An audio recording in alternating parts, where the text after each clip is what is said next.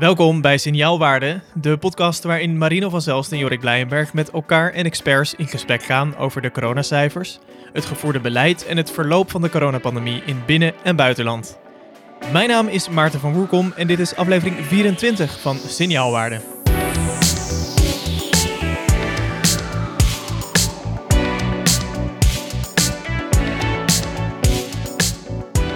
Goeiedag en welkom. Het is vandaag 15 november 2021 en daarmee tikken we dag 624 van de coronapandemie in Nederland af. Ja, dat is uh, nou eigenlijk best wel uh, negatief. Maar uh, Marino heeft er persoonlijk voor gezorgd dat we deze podcast positief kunnen beginnen. Marino? Ja, ik ben dus positief getest oh. op corona, helaas. Ehm mijn, mijn uh, vriendin en huisgenoot, die uh, was al eerder deze week helaas uh, besmet. Um, maar ja, in de... Ja, laten we, laten we grappig gaan doen over besmetting met een neurotropisch virus. maar, nee, ik, het, dankjewel. Ja. Ik, ik, ik, hoop nog wel een keer op Hans, maar uh, dat komt uh, dan nog wel. Um, dus ik heb zelf tot nu toe niet echt klachten, dus het lijkt wat uh, heel licht symptomatisch, een beetje droog hoesje. Dus misschien horen jullie dat nog wel gedurende deze aflevering. Nienke heeft helaas echt alle smaak en geuren verloren met hoesten, verkouden, dus dat is wel heftig. Want die is al eerder besmet geweest en twee keer gevaccineerd en nu toch weer uh, gepakt. Uh, nou ja, ik heb het 20 maanden volgehouden, maar ik ben na 20 maanden een onderdeel geworden van de data die uh, Jorik en ik dagelijks analyseren. Um, dus jij gaat ja. jezelf modelleren? Ja, dat is nu het idee. Um, alhoewel ik voor mijn werk verpleeghuizen modelleer en daar hoop ik toch nog wel even weg te blijven. Precies. Um, Jorik, jij wel nog in goede gezondheid? ja, ik ben alleen een beetje moe, lange dag geweest. Weer een, eh, mooie treinreis ook weer achter de, achter de boeg. Voor het eerst in een lange tijd naar kantoor geweest. En dan uh, zit je. een goede moment voor. Nee, ja, ja, soms moet het, hè. Dat, uh, dat, dat, dat moet helaas, maar dat is ook. Uh, ik blijf lekker thuis. Nee, het is natuurlijk ook in de trein zitten, weet je. En zo'n trein zit vol en dan zit er iemand naast je en die trekt dan het mondkapje naar beneden, gaat vervolgens uitgebreid kuchen en vervolgens dat mondkapje op te doen. Ja, dat, ja, Blijft jammer. Ja, want um, uh, ja, een van die nieuwe adviezen sinds afgelopen vrijdag is uh, meer thuiswerken. Daar komen we zo meteen op. We gaan het deze podcast hebben over de maatregelen die nu genomen zijn. het huidige reproductiegetal. Dus we kijken heel even kort naar de actualiteit. Maar als je daar meer over wil weten, dan moet je vooral even onze korte extra aflevering luisteren die we vorige week donderdag opnamen. Toen we het nieuwste, ja, eigenlijk het laatste dagrecord optekenden sinds het begin van de coronapandemie in Nederland aan aantallen besmettingen. Um, we gaan het nog meer hebben vandaag over het uh, hoeveelheid G-beleid. Dus het 2G of het 3G-beleid komen we uitgebreid over te spreken. En over de komende maanden uh, en komende jaren gaan we uh, het hebben. want corona lijkt hier wel te blijven. net als dat de rubriek gebleven is, het kenmerk van de actualiteit. Marino, Jorik, hebben jullie er een? Het numerieke kenmerk van de actualiteit. 20.000. Uh, dat is het uh, aantal uh, nieuwe besmettingen wat we waarschijnlijk deze week gaan halen per, per dag. En dat is heel veel voor de mensen die, ja, om daar wat context aan te geven. Hans, de besmettingen stijgen. Hans, de besmettingen stijgen. Ja, dat blijft maar doorgaan, hè? Ja, het is, nee, het is echt niet normaal. Ehm, vorige week hadden we twee dagen storing en toen was het al de hoogste week ooit. Um, nou, deze week gaan we er gegarandeerd weer overheen als dit nog even door blijft gaan.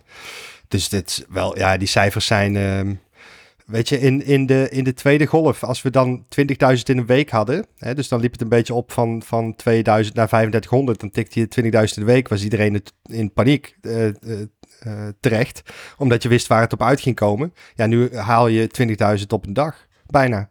Eh, ja, het is echt bizar. We begonnen dit seizoen met dat we weg zouden gaan bij de besmettingscijfers, omdat we ook gingen kijken naar ziekenhuisopnames. Uh, dus dan wil ik nu eigenlijk ook voorbij gaan in deze reguliere aflevering aan de besmettingscijfers, hoe dan ook dat ze heel hoog zijn. Maar ik wil eigenlijk direct even naar die ziekenhuizen, want uh, het demissionair kabinet stuurt op uh, ziekenhuisopnames en op de IC-capaciteit. Dus laten we het daarover gaan hebben. Nogmaals, wil je meer weten over die besmettingscijfers? Luister dan even de signaalwaarde extra van vorige week. 10 minuten over de hoeveelheid uh, besmettingen op dit moment. En wat dat betekent tegen de huidige context met inbegrip van vaccinatie. Oh ja, en vaccins die werken. Dat terzijde. Marino, ehm, de ziekenhuizen. Hoe is het daar nu qua cijfers? Um, nou ja, wat we op dit moment zien is dat er um, uh, 380 mensen op de IC liggen, hè, dus zeg maar 400, um, en 1600 mensen op de verpleegafdeling. Dus de totale bezetting is op dit moment nou ja, bijna 2000. Um, om dat in de context te plaatsen, bijvoorbeeld de eerste piek van de tweede golf was dat 2600. Um, en de meeste pieken was dat rond, uh, nou ja, het kapte het net onder de 3000, zeg maar richting de 28. En de eerste golf was dat 4000. Dus uh, dat is even de hè, context. Andere wel belangrijke context, uh, vind ik al belangrijk om te noemen, is het ziekteverzuim is nu echt torenhoog. Um, hè, dus uh, er zijn uh, ziekenhuizen met ziekteverzuim richting de 15%. Um, ehm, aantal positieve tests onder medewerkers uh, begint echt de bocht uit te vliegen. Dus daar halen ze ook dagrecords, die mogen dan niet meer werken. Dus de capaciteit is wel serieus lager. Um, dus ik wil dit altijd even vermelden, omdat je die discussie vaak ziet met ja, maar het is nog maar de helft van de eerste golf. Ja, als we nu um, even ballpark schatting richting de 2800 gaan, dat is qua capaciteit hetzelfde als 4000 patiënten um, van de eerste golf. Omdat uh, we anderhalf jaar lang de zorg gewoon uh, ja, best wel overbelast hebben.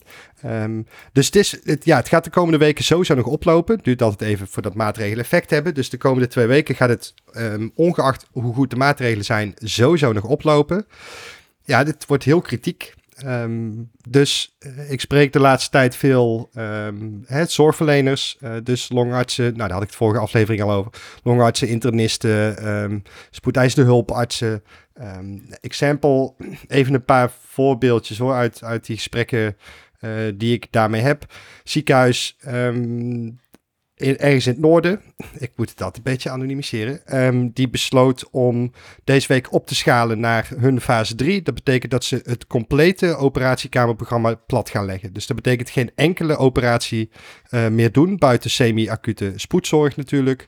Um, spoedeisende hulparts die ik vandaag even sprak, die had een ambulance aan de telefoon vannacht, uh, die vijf ziekenhuizen belt... Um, Um, om die patiënt uit te leveren. Dat kon allemaal niet. En die nou ja, belt dan op en zegt: Weet je wat, zoek het maar uit. Ik kom eraan en ik ga hem uh, binnen dumpen. En je zorgt maar dat deze persoon zorg krijgt. Zeg maar. Ja, kijk, dat soort verhalen krijg je gewoon aan de lopende band nu.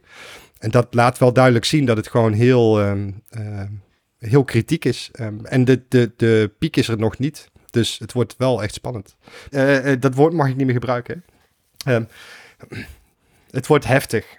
Het wordt heftig. Ja, Jorik, als ik, uh, misschien kun jij dat even wat kwantificeren. Als ik jouw um, uh, expertise op het gebied van routekaarten mag uh, inroepen. Um, als we nu even de, het scenario wat Marino schetst, wat er nu gaande is en wat er de komende twee weken nog te wachten staat, even langs de routekaart leggen van het demotionaire kabinet. Mm -hmm, ja. Hoe zitten we dan en waar gaan we heen? Waar we zitten is een risiconiveau ernstig.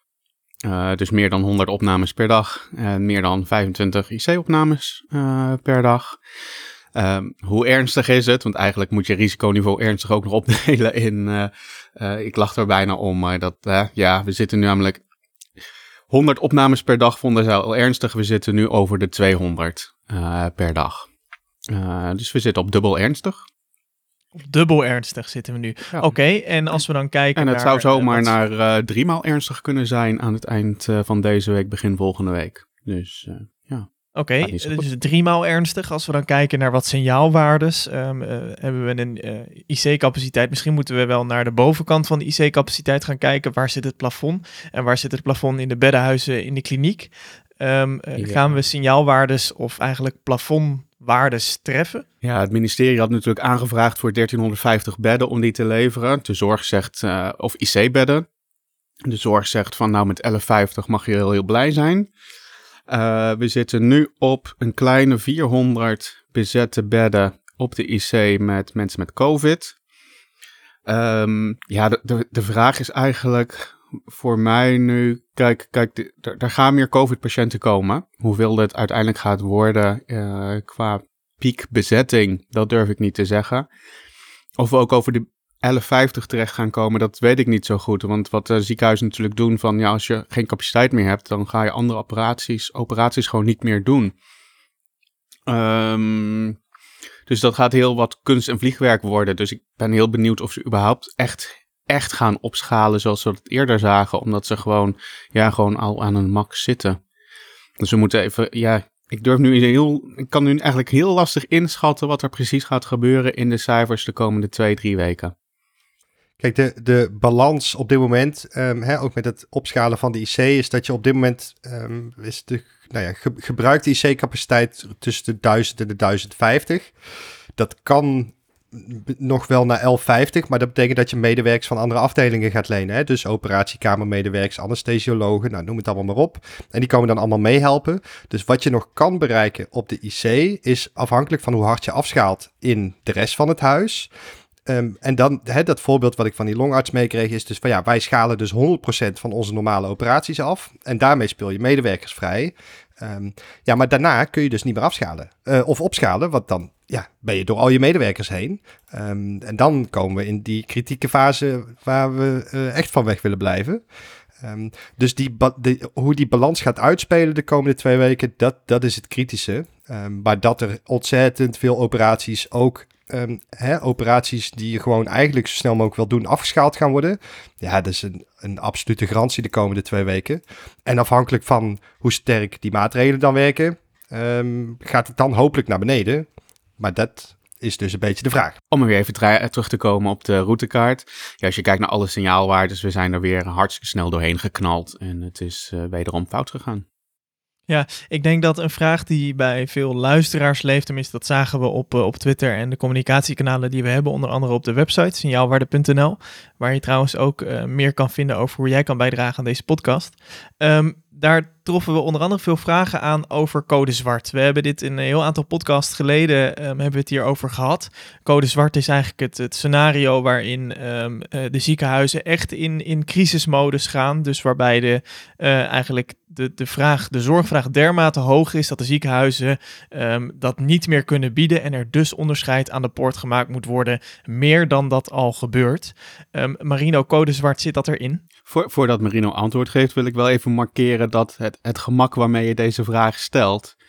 Uh, en, en het, hoe bijzonder het eigenlijk is dat, dat jij die, die vraag nu weer moet stellen. Uh, na 624 dagen coronacrisis, dat we het weer hebben over code zwart. Dat vind ik wel bijzonder dat het weer ergens. Hè, dat we toch weer even een refresher moeten doen van hoe zat het ook alweer.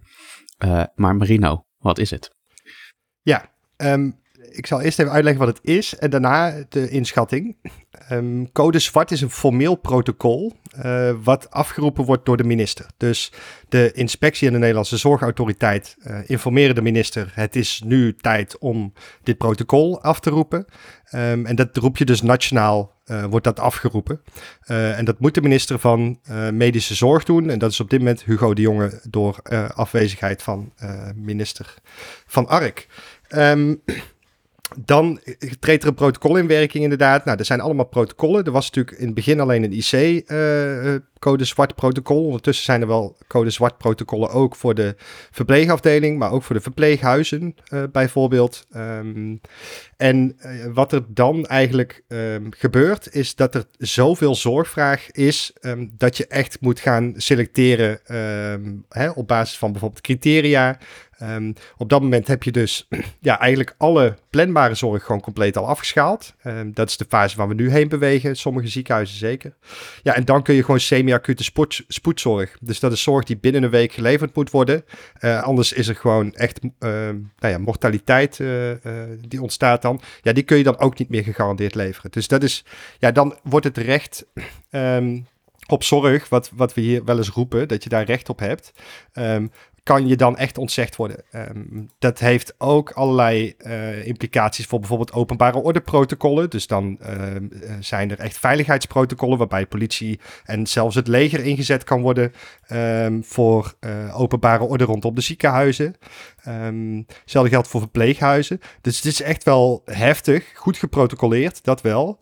Um, maar je kunt natuurlijk ook bij de huisarts uh, al uh, dit soort situaties uh, krijgen. Ja, en daar, dat is allemaal weer wat minder strak geregeld, omdat dat hele kleine instellingen zijn over het algemeen. Dus dit is een hele heftige situatie. Wat helpt um, in, in die zin in het protocol is dat je dan als zorgverlener heel veel ruimte krijgt om ehm, nou ja, professioneel te handelen en dat er gewoon allerlei protocollen gedumpt worden, bijna. Um, en waardoor de, de juridische aansprakelijkheid bijvoorbeeld uh, wordt dan wat aangeregeld. Dus normaal heb je als zorgverlener allerlei protocollen te houden. Um, en op dat moment heb je eigenlijk gewoon stomweg geen tijd voor al die protocollen, waardoor je daarvan gevrijwaard wordt. En dat helpt gewoon om de snelheid ontzettend te verhogen. Dus um, ik sprak een zorgverlener en die zei, joh, weet je, het helpt mij op dit moment al, als het afgeroepen zou worden, want ik kan gewoon sneller zorg leveren, dat ik niet met allemaal onzin bezig ben. Nou ja, of dat dan moet, is een tweede discussie, maar um, dat was een beetje de vibe. dat is het protocol uh, verhaal, even een notendop. Hoe realistisch is het? Het verbaast mij dat ik deze week tot de conclusie kwam dat ik het niet meer onrealistisch vind. Um, op basis van al die gesprekken die ik heb met die zorgverleners. Um, nou ja, die modellen waarbij je de komende tijd die opnames van COVID ziet stijgen. Ik bedoel, je hoopt het niet. Um, het kan ook zijn dat we er net langs gaan scheren. maar, uh, en het is afhankelijk van of de minister het doet. Want als de minister het niet afroept, het code zwart protocol, dan is het er dus stomweg ook niet. maar ik vind het sinds na twintig maanden, wat Jorik dus al zegt, voor het eerst niet onrealistisch dat het gaat gebeuren. En, wat wel goed is, denk ik, voor mensen om te realiseren, is dat het geen binaire situatie is. Um, hè, dus niet alles gaat goed en dan ineens heb je code zwart, maar dat is een, een continuum waarbij je nu al triagekeuzes aan het maken bent. Hè, huisartsen die proberen mee te monitoren van is het echt nodig um, dat je naar het ziekenhuis gaat of kun je thuis nog even redden. Um, altijd met de beste intentie. Um, ze geven ook super duidelijk aan, als je zorg nodig hebt, dan bel ons. Hè? Dus ga niet zelf dokter spelen um, omdat je denkt van ik moet de zorg ontlasten. Als je zorg nodig hebt, dan moet je gewoon bellen. Deze mensen zijn professionals en kunnen echt meehelpen met die keuze. Ga dat niet zelf doen. Maar ja, het wordt eh, het is echt kritiek. Um, en ik vind het, die gesprekken zijn best wel heftig. Um, die je daarna hebt. Maar gewoon wel echt intensivisten die bijvoorbeeld aangeven: ja, we zijn nu wel gewoon triage aan het plegen om het enigszins behapbaar uh, te houden. Dat is nog niet formeel code zwart, maar het, zit het neigt er wel naar. En dat gebeurt nu al. Dus wat dat betreft vind ik het niet onrealistisch. Dat zeg ik met een zwaar hart, moet ik zeggen. Okay, niet onrealistisch of code zwart uh, afgekondigd gaat worden. Dat moeten we echt gaan zien. Jullie modelleren veel. Uh, jullie kijken naar uh, onder andere het R-getal. jullie koppelen nog steeds besmettingscijfers aan ziekenhuisopnames. we hebben eerder uitgelegd hoe dat zit. dat er wel een ontkoppeling plaatsvindt, maar dat die koppeling er nog steeds wel is. Zeker als je het over dit soort hoge besmettingsaantallen hebt. Um, Laten we even gaan kijken naar uh, de hamer waarmee dan dit eigenlijk uh, weggeslagen moet worden. Hè? Waarmee dit de kop ingedrukt. Nou, ik kan uh, heel veel beeldspraken gaan bedenken. De hamer maar, waarmee we een harde gaan klap gaan geven. Precies, we gaan het al hebben over de maatregelen. Want um, er is dus een pakket aan maatregelen aangekondigd de afgelopen vrijdag. Dat is nu ingegaan. Waaronder een quarantaineplicht van naasten van mensen die positief zijn bevonden op corona. Um, de, de, is dit maatregelenpakket volgens jullie nu voldoende om uh, de kop in te drukken, um, Jorik? Um, nou, het, het, feit dat ik eigenlijk daarover twijfel en niet direct zeg van ja, dat, dat moet eigenlijk al zorgen baren. Um, ik, ik vind het heel lastig. Ik heb ook eigenlijk nog niet niemand in de media gehoord die zei van, ah ja, dit is het pakket inderdaad waarmee we het gaan redden. Kijk, de vorige, paar, de, de, vorige persconferentie, toen was de reactie van alle experts eigenlijk van, nou met dit pakket gaan we het zeker niet redden. Uh, deze persconferentie uh, vond ik de reacties van experts wat lastiger te peilen, zeg maar. niemand zei in ieder geval van, ja, met, met dit pakket gaan we zeker de, het virus verslaan eigenlijk de enige die het had over volgens mij een harde klap, was de regering. Uh, die maar kun, jij, kun jij het ook vergelijken met uh, maatregelenpakketten die eerder zijn genomen? Kunnen we het daar langs leggen? Ja, natuurlijk, want daar, daar, zo, daarom maak je vergelijkingen. Um, het, probleem is dat je uh, het pakket kan je natuurlijk wel vergelijken met een ander pakket. Maar het probleem is nu dat als we bijvoorbeeld kijken naar vorig jaar, dat we te maken hebben met een andere variant. We hebben te maken met uh, vaccinatie. Dus het is veel lastiger om te zeggen wat het effect op de R gaat zijn van dit pakket. Gaat dit pakket inderdaad ons uh, onder de één brengen, ja of nee? Als je kijkt naar het OMT-advies, dan gingen ze er wel voor dat we naar een reductie gingen van het aantal eh, nieuwe besmettingen van 20 à 25 procent. Waaruit je ongeveer kan afleiden dat ze, denk ik, gokken of streven naar een R iets onder de 1. Ehm maar ja, eh, ik, ik heb de technische briefing vandaag gemist. Dus het kan zijn dat ik daar misschien nog wat in gemist heb. Marino? Ja, eigenlijk was het hetzelfde verhaal als bij de persconferentie. Dus, dus het aantal besmettingen hè, bij een R van 1,2 ehm, moet dan met 20% omlaag. En dan zou je rond een R van 0,95 uitkomen.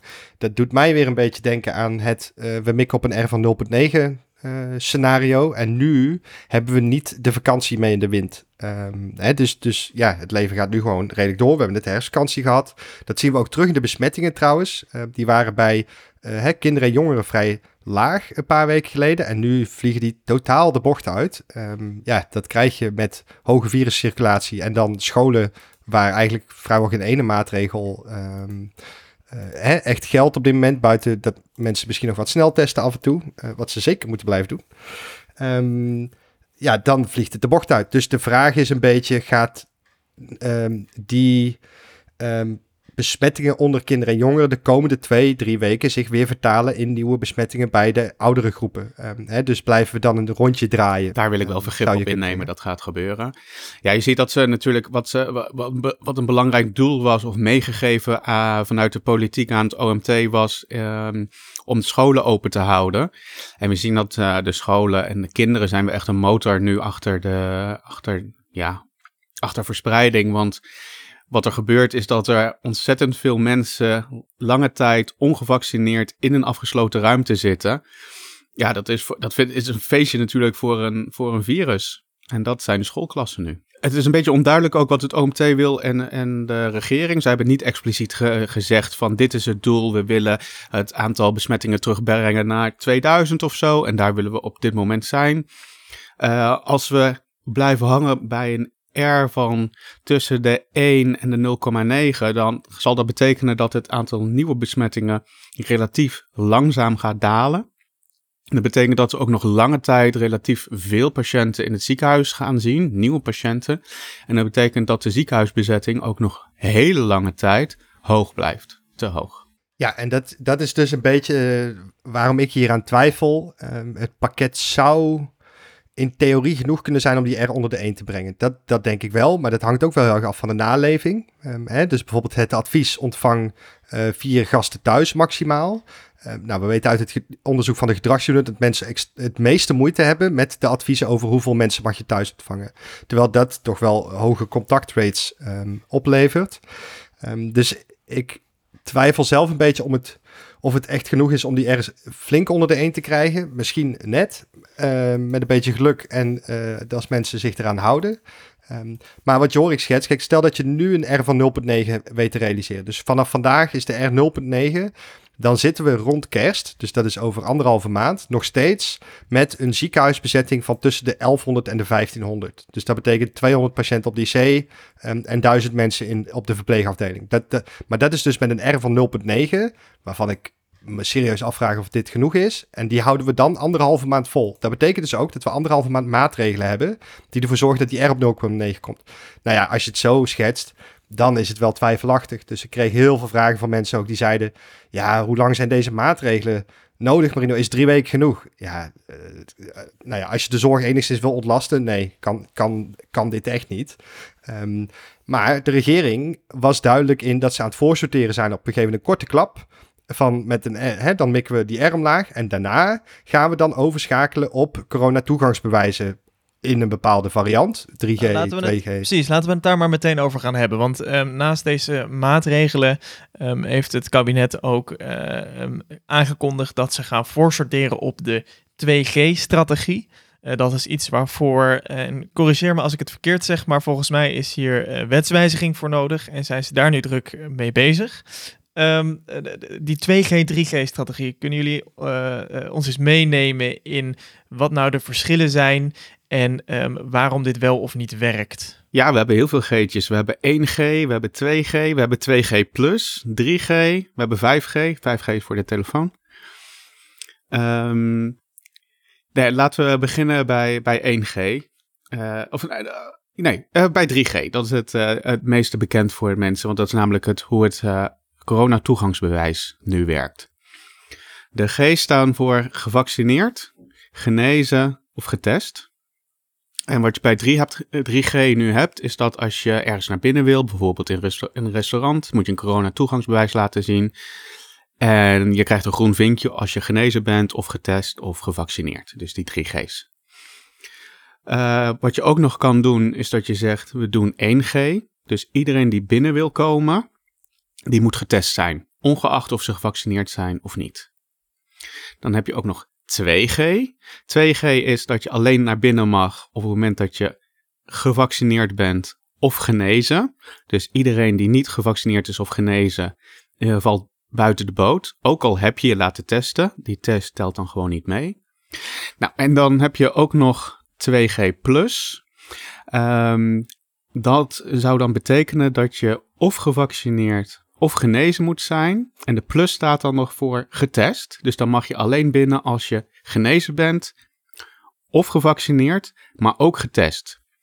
Nou, en al die, al die verschillende G's hebben verschillende risico's. Hoe groot de kans is dat mensen die dan vervolgens binnen zijn, ook nog besmet zijn met het coronavirus en daarmee het virus kunnen doorgeven. Oké, dus duidelijk Jorik, dat is wat uh, die G's betekenen.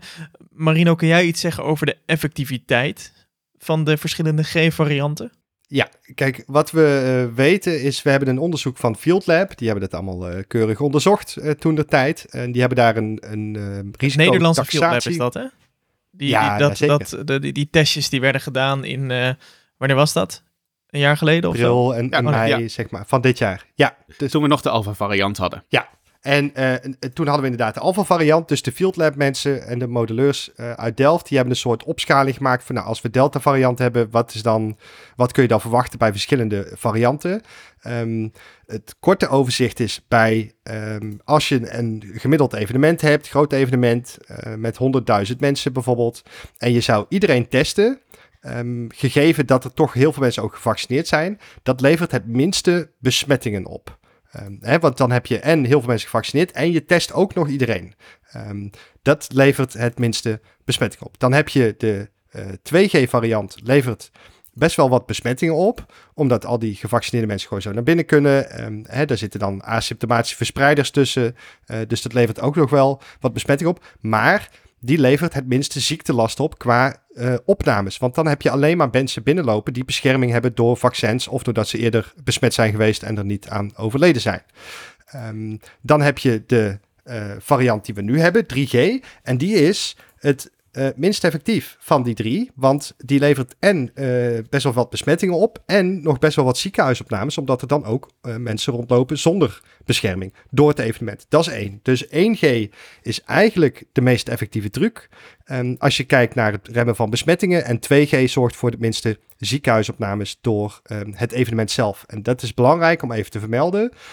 Um, de modelleurs en het Field Lab team heeft alleen gekeken wat zijn de gevolgen van het evenement. Hè? Dus je in gaat eerste orde. Amsterdam, in eerste orde, hè? dus Amsterdam Dance Event. Hoeveel opnames komen er door Amsterdam Dance Event? Dat is eigenlijk de korte vraag. En de bezoekers Maar daarvan. de tweede, en de bezoekers. En de tweede belangrijkere vraag, zeker bij de huidige viruscirculatie, is al die mensen die besmet raken, gaan daarna de samenleving weer in. Um, hè, dus, dus we gaan lekker naar een feestje op uh, zaterdag en dan op, op woensdagmiddag ga je op de verplichte koffie bij oma, die wel gevaccineerd is, maar ook COPD heeft.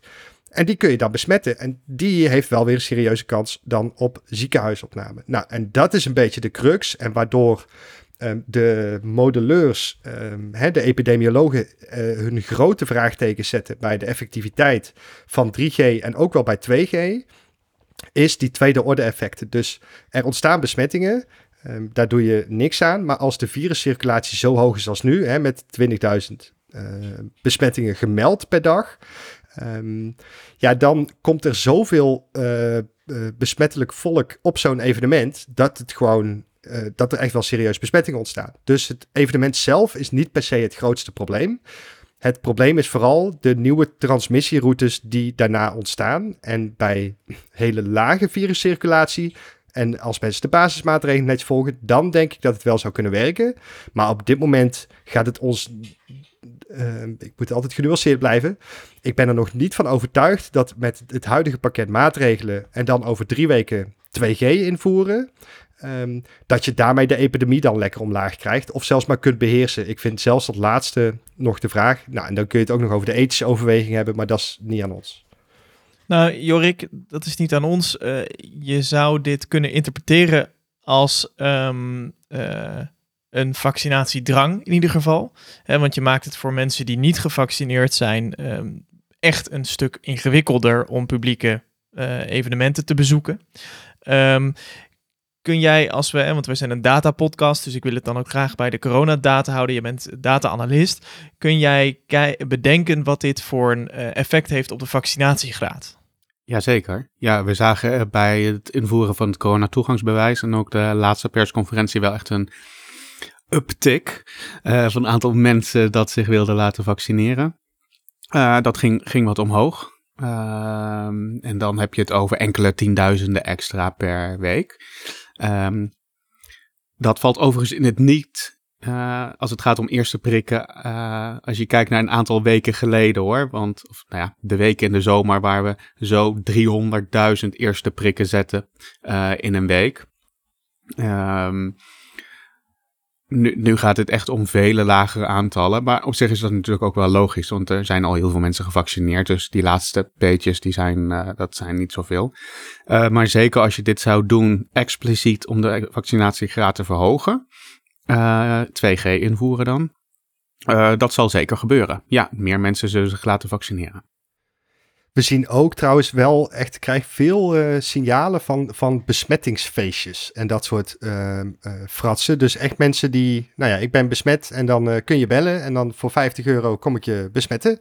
Want die hebben dan zodanig geen zin in het vaccin. dat ze zichzelf maar laten besmetten voor een herstelbewijs. Um, ja, ik vind dat echt een problematische ontwikkeling. En ik denk dat dat ook wel samenhangt met 2G um, en het corona-toegangsbewijs. Omdat die mensen dan um, door hen moverende redenen zich niet willen laten vaccineren. Uh, dat zou zeer verstandig zijn. Uh, maar ze doen het niet. Maar ze willen dan toch nog door. Ja, dan laten ze zich maar besmetten met een besmettelijke ziekte. Uh, waar je van in het ziekenhuis terecht kunt komen. Ja, ik, ik vind dat... De bijwerkingen um, van corona zijn vrij heftig.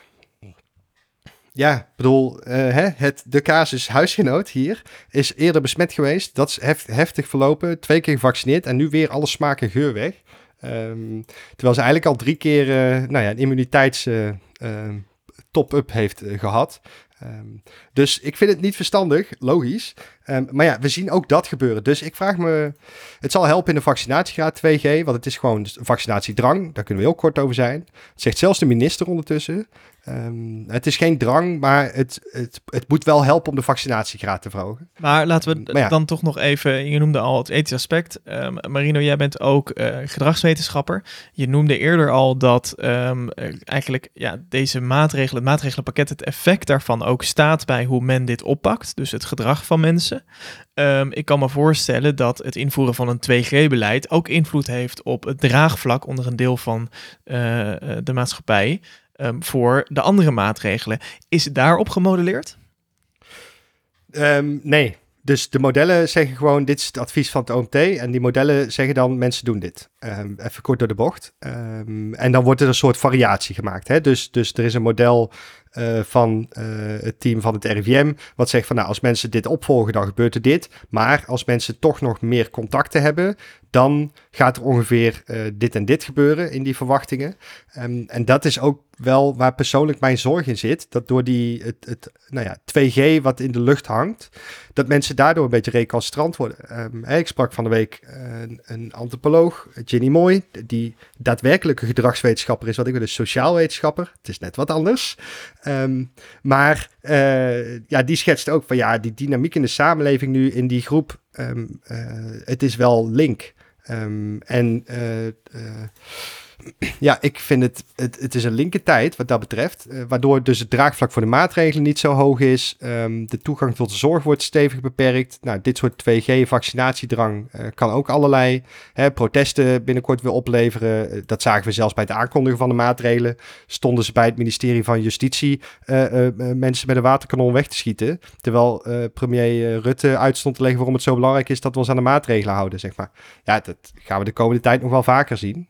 Um, dus wat dat betreft vind ik, vind ik 2G link. Eén, omdat ik nu niet overtuigd ben dat het over drie weken serieus gaat helpen. Ja, en het heeft ook wel gevolgen, denk ik, voor uh, draagvlak voor andere maatregelen. Ehm, en hoe dat dan uit moet gaan pakken over drie weken. Um, dat vind ik wel. En wat dus ook wel lastig is. Ik zag daar. Wat ik had even het advies van de Raad van State gelezen over het. Uh, wetsvoorstel voor het coronatoegangsbewijs op bij uh, niet-essentiële uh, diensten. Hè, dus, dus het eerste er zijn, is een gelaagd voorstel. Er is een um, voorstel waarin staat: we gaan um, coronatoegangsbewijzen verplichten in um, situaties, hè, dus bij niet-essentiële dienstverlening. Dus dat betekent dat je bijvoorbeeld als je naar de kapper wil, moet je een corona-toegangsbewijs laten zien. Hè, 3G. Dus gevaccineerd, genezen of getest. Dat, dat is zeg maar de eerste stap die ze willen doen. Dan um, uh, was het wel grappig, want er was um, daar bij de Raad van State vond het niet duidelijk wat is essentiële dienstverlening. En we weten supermarkt, weet iedereen is essentieel, daar gaan we het niet doen. Want mensen moeten gewoon boodschappen kunnen doen, ongeacht hun keuze om wel of niet gevaccineerd te zijn. Um, maar een uh, kapper is dus uh, niet essentieel, wel coronatoegangsbewijs. En een makelaar schijnt dan wel weer essentiële dienstverlening te zijn. En ik zag al in het kader van het debat over uh, wonen, dat sommige mensen zich al af begonnen te vragen. Um, uh, ik zat even de opmerking te lezen. Uh, een grote groep Nederlanders alleen maar in de vitrine van de makelaar kan staren in de wetenschap dat zij zich geen huis kunnen veroorloven en dat de kapper waarschijnlijk niet essentieel is, getuigt van een bijzonder beeld van essentiële diensten. Nou ja, dit soort discussies gaan we dus krijgen de komende tijd. Twee, het corona-toegangsbewijs op het werk. Daar zijn ze nu mee bezig. Dus dat betekent dat de werkgever je kan vragen. Daar was heel veel discussie over de PESCO. Omdat mensen zeiden, ja, maar dit is best wel uh, heftig. Gaat het ministerie van Algemene Zaken of van VWS dan ook coronatoegangsbewijzen vragen bijvoorbeeld? En daar schoot Rutte in de poldermodus met, nee, dit moet ontstaan in een overleg tussen werkgevers en werknemers. Um, het, hij zei letterlijk, het is hier wel Nederland, hè? Um, dus, dus ja, dat, daar zie je heel veel polderen. Um, en dan de derde stap is 2G uh, invoeren voor bepaalde um, zaken. Dus, dus het, het, is ook een bepaalde gelaagdheid in wat ze nu aan het voorstellen zijn. Het wordt op een noodtempo. Proberen ze het nu natuurlijk door de kamers heen uh, te stampen. Um, dus vandaag was al het wetgevingsoverleg. En donderdag is volgens mij al het, uh, de stemming over uh, het wetsvoorstel essentiële en niet-essentiële diensten. Um, hè, dus ze zijn op hoog tempo die wetgeving um, er doorheen aan het proppen. Maar je ziet wel dat er heel veel weerstand is, zeker tegen 2G. Um, hè, dus ook bij bijvoorbeeld de ChristenUnie, die een coalitiepartij is en ook aan de formatietafel zit. VVD en D66 hebben er niet zo moeite mee. CDA ook, maar dit is ook vanwege de achterban bij CDA en ChristenUnie. Um, dus of 2G het gaat halen, weet ik niet precies. Daar hebben uh, ook heel veel politieke partijen toch wel heel veel moeite mee. Um, ja, en ook bij die corona-toegangsbewijzen breed inzetten, dat zie je ook wel heel veel um, protest.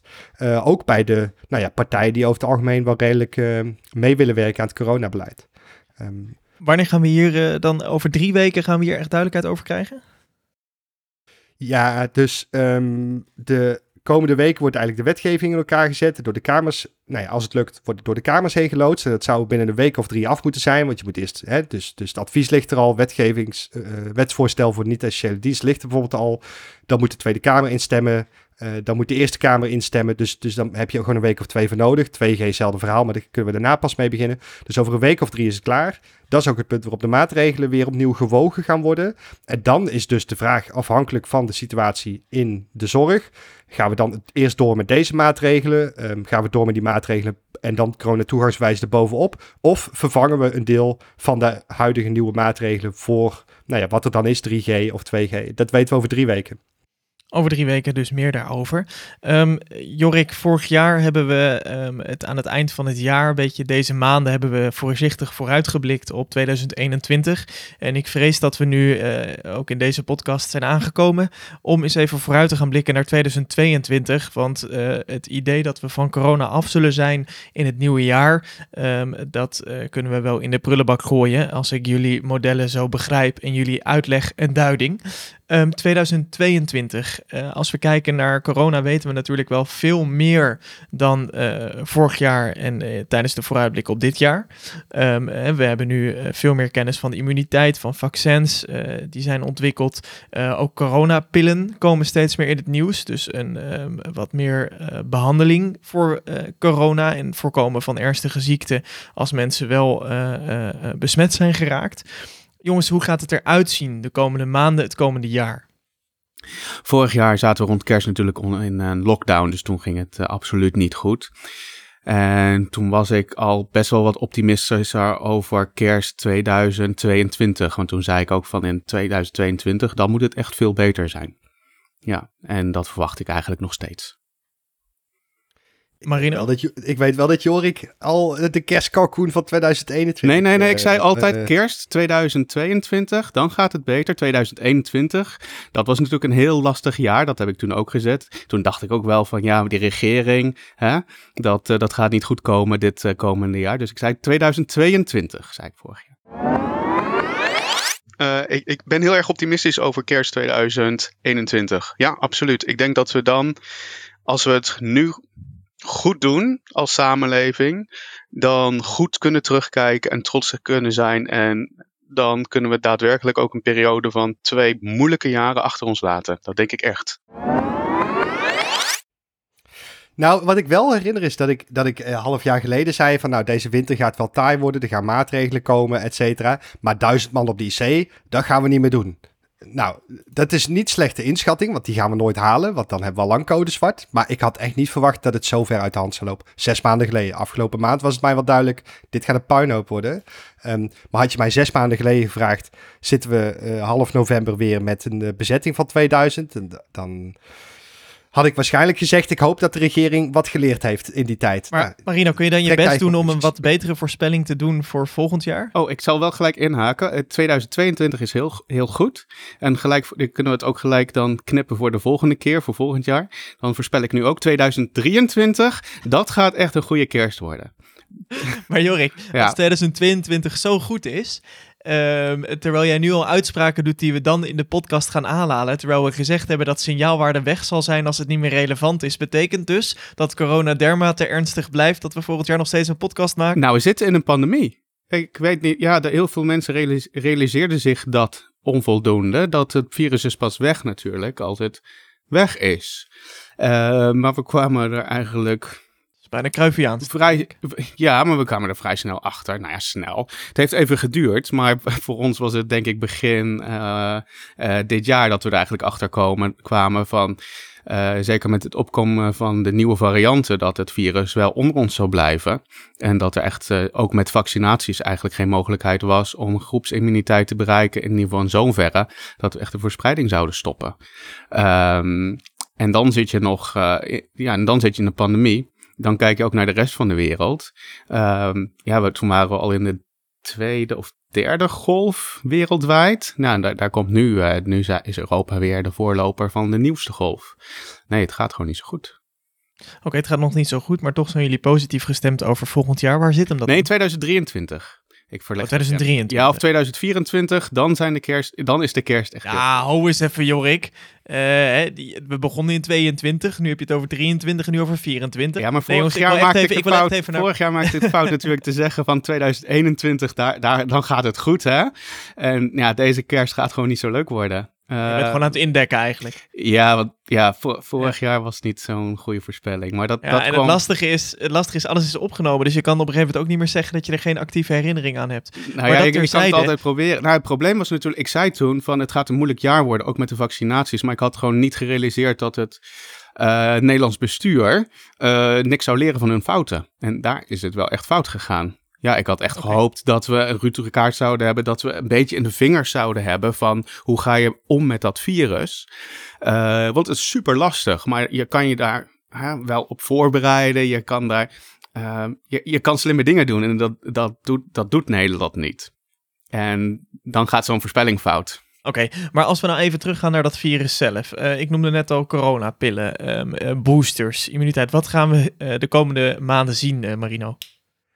Nee, kijk, dus die coronapillen, dat is wel interessant. Um, daar, daar wordt vrij eh, lovend over gedaan. Eh, dat was ook zo over de vaccins. Die dingen werken verrekt goed, maar het is ook niet de silver bullet. Dus die coronapillen ehm, gaan wel weer een, denk ik, eh, extra plakje kaas worden in de bestrijding. Maar krijgen we corona kapot met vaccins en coronapillen komend jaar? Ik, daar ben ik nog niet zo van overtuigd. Ik was, ehm, nou ja, ik mocht mee eh, praten in een lang artikel van de NOS met tien epidemiologen, waarvan negen van de tien ervan overtuigd waren 2022 krijgen we nog een najaarsgolf.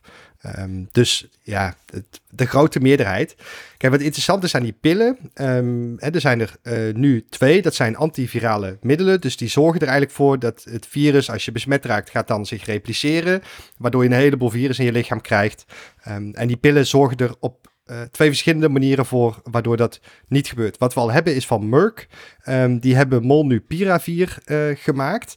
Ehm, en die pil eh, zorgt er eigenlijk voor dat zodra jij een besmetting hebt opgelopen, ehm, dan moet je binnen drie tot vijf dagen na de eerste symptomen moet je hem innemen. Dat is best wel snel. Ehm, en wat dat virus normaal gesproken doet, is een cel binnentreden en dan gaat het zichzelf repliceren, repliceren, repliceren. En die eh, pil van Merck, dus Molnupiravir, wat die doet is eigenlijk zelf een kopie maken van viruscellen en die kopie dan een beetje vernachelen. Dus er worden bewust een soort foutjes gemaakt, mutaties, waardoor het eigenlijk het virus zichzelf ka- kapot muteert in de cel. Waardoor je dus, nou ja, het stopt met muteren, want het maakt zichzelf gewoon kapot. Dat is wat Molnupiravir in het hele ehm, simplistische uitleg eh, doet. Dan heb je nog de ehm, pil van Pfizer, dat is eh, Paxlovid. Ehm, en die doet het op een andere manier. Wat er normaal gebeurt bij een virus is, de virus treedt de cel eh, binnen. Ehm, en dan eh, ga je, eh, gaat het zich ehm, ehm, eh, binden aan een enzym, dat heet een protease. Ehm, en wat zo'n virus doet bij die replicatie is eigenlijk een soort RNA-vermenigvuldiging, een hele lange ehm, ehm, ja, ketting, om het maar even zo te noemen. Dus die moet eerst heel lang worden en dan begint het virus al die, nou ja, die hele keten zelf op te knippen. En dan krijg je dus een heleboel nieuwe stukjes. En wat die pil van Pfizer doet, is eigenlijk die protease-enzym daar een rem op zetten, waardoor dus niet die eerste hele keten gecreëerd kan worden. Dus ja, hè, stel dat je één blokje hebt en dan moet het zich tot een keten van 10 blokjes vermenigvuldigen en dan worden ze doorgeknipt. Zo'n protease ehm, remmer zorgt er eigenlijk voor dat die keten maar drie stukjes lang wordt. En daardoor rem je dus ook weer virusreplicatie. Fantastische ideeën. Het grote probleem zit erin, je moet ze supersnel innemen na de besmetting. Dus eigenlijk het werkt het beste als je het binnen drie tot vijf dagen na je eerste symptomen doet. Dan moet je dus symptomen krijgen. Dan moet je naar de GGD-teststraat gaan, die super overbelast is op dit moment. Eh, dan moet je je positieve uitslag krijgen. Ehm, en dan moet je als een idioot naar de dokter rennen om de Merck-pillen voor 700 dollar, eh, dus het is ook niet goedkoop, ehm, zo snel mogelijk in te nemen voor eh, een week lang. Dus het kan wel werken in sommige situaties, maar het is een duur grapje. Ehm, ik weet dat Amerika ondertussen 3 miljoen treatments besteld heeft voor 2,2 miljard euro. Dit is net zoveel als we hebben uitgegeven aan de complete testsituatie in de afgelopen 20 maanden. Ehm, dus ja, het gaat zeker helpen, Ehm, maar eh, we gaan het er ook niet mee redden. Nou, dan is het natuurlijk de booster-discussie. Daar gaan we nu eh, mee beginnen. Boosters helpen, want ehm, dat houdt onze immuniteit hoog. En dat is de hele game komend jaar. Dat we onze immuniteit zo hoog mogelijk houden. Dus dat betekent eh, bescherming tegen ernstige uitkomsten. ehm, en bescherming tegen infectie. Dat helpt, want daardoor gaat het virus wat minder rond. Ehm, en dat is op de lange termijn eigenlijk hè, het spel. Kunnen we de immuniteit in de samenleving zo hoog mogelijk houden, zodat je die golven steeds kunt dempen. Ehm, hè, want als je immuniteitsverlies hebt, wat we nu ook zien, ehm, tegen infectie en in mindere mate tegen ziekenhuisopname, dat gaat nog wel goed, alhoewel het daar ook af begint te nemen, zien we in de RIVM-cijfers. Ja, dat moeten we eigenlijk constant zo hoog mogelijk houden.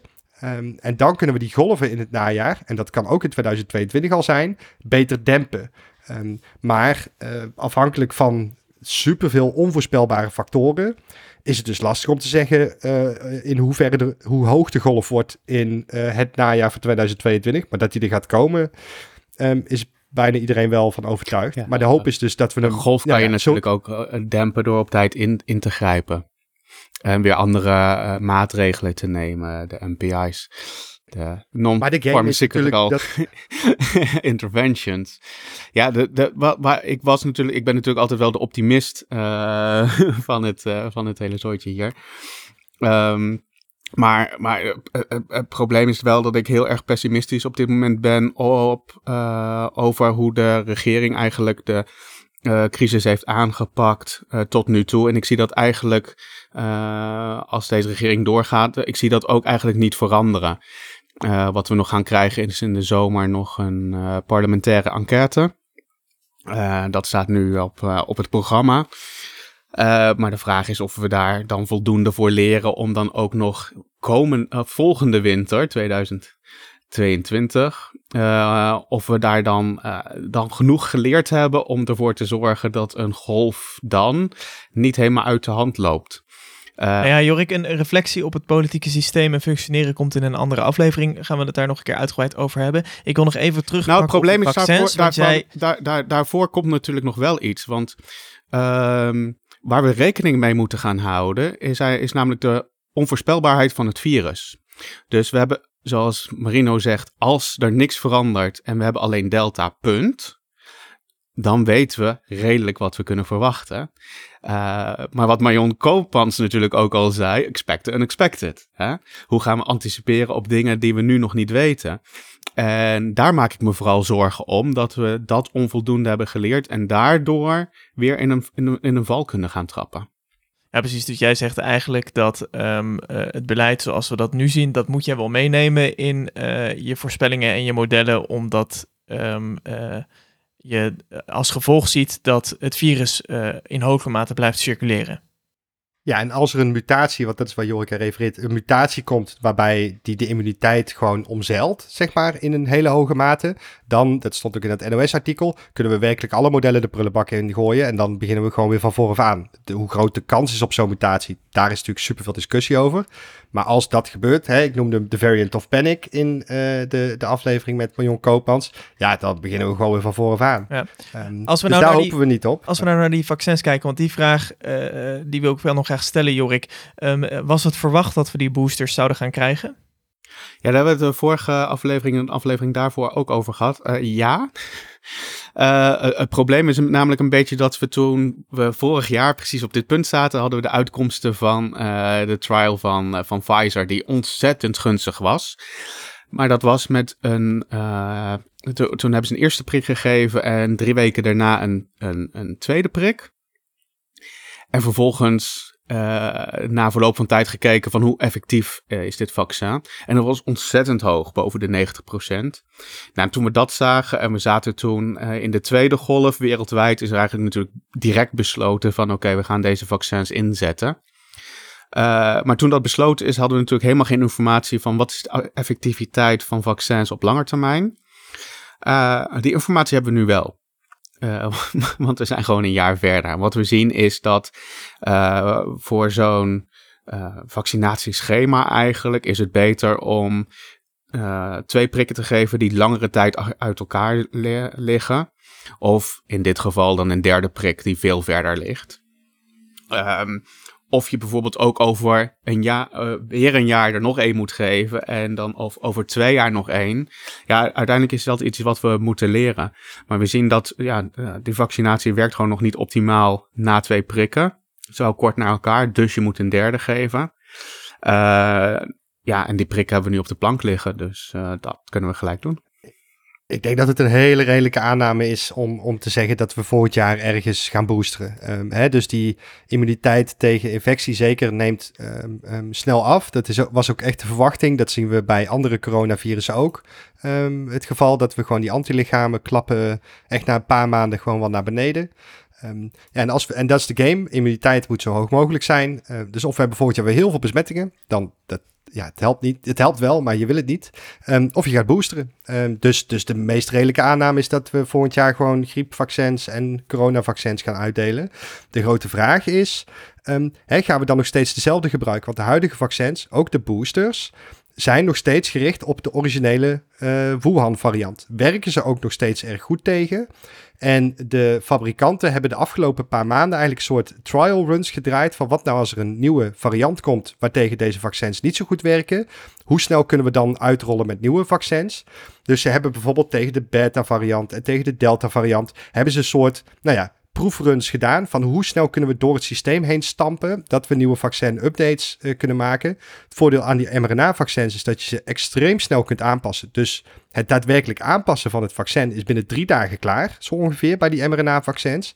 Nou, en dan, en dat hebben ze afgelopen paar maanden gedaan, uh, hebben ze weer de nieuwe uh, clinical trials gedaan. Is het veilig? Um, uh, de logistiek, het besluitvormingsproces. Um, hè, ook weer naar de, de EMA en de FDA, dus die de goedkeuring moet geven. Dus zijn nu eigenlijk aan het soort aan het oefenen met hoe snel kunnen we dit optimaliseren, zeg maar. Voor het geval er echt zo'n lijpe variant komt, waartegen we echt per se nieuwe um, uh, vaccins nodig hebben. De Delta variant update is er dus wel, maar de uh, uh, vaccinmakers zijn zelf nog niet zo van, nou, we gaan dit even uitrollen en vanaf januari zijn alle vaccins echt gericht op de volledige Delta. Het zou kunnen, maar dat horen we dan de komende tijd wel. Jongens, een hoop vragen in het afgelopen uur beantwoord. Uh, aan allen die die gesteld hebben via Twitter en alle andere kanalen, super bedankt voor het insturen weer.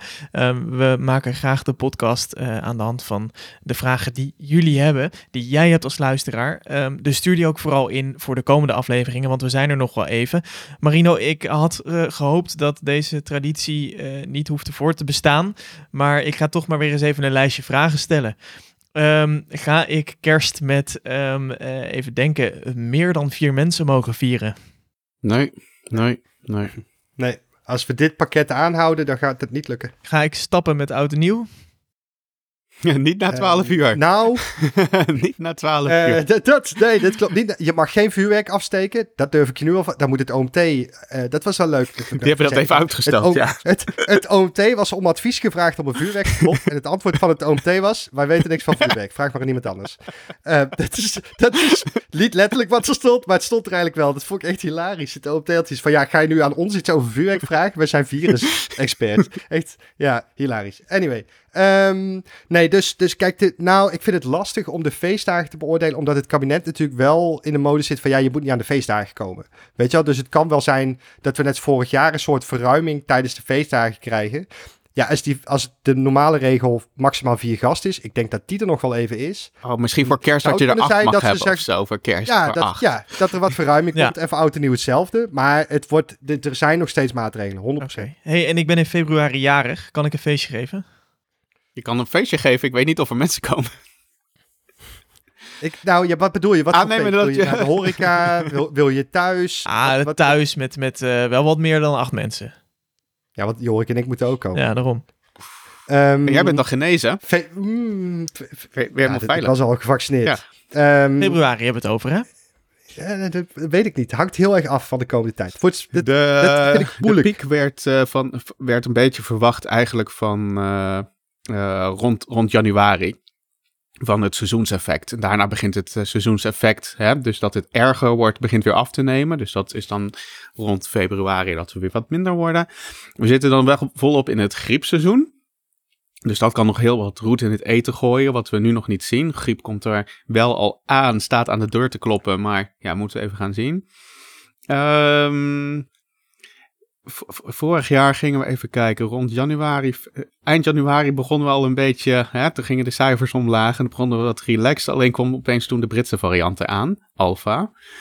Ja, misschien worden we met kerst ook wel weer verrast door eh, Epsilon of zo. Ja, who knows. We gaan het zien. Hey, als laatste... expect die, eh, expect die Ja. unexpected, ook voor je verjaardag. Ja. Ah, oké. Hey, en als laatste, wanneer gaan we afscheid nemen van... eh, Hans. Van Hans. Ehm, van Hans of van de eh, auteur eh, of uitspreker van Hans? Wat- nou, wat- laten we wat- daar wat- wegblijven. Wanneer kunnen we dit fragment Hans. De besmettingen stijgen. de prullenbak in doen?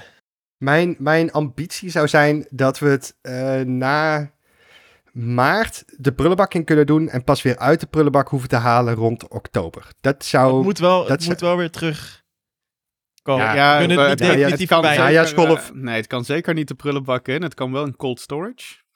Eh, voor, eh, voor de zomer inderdaad.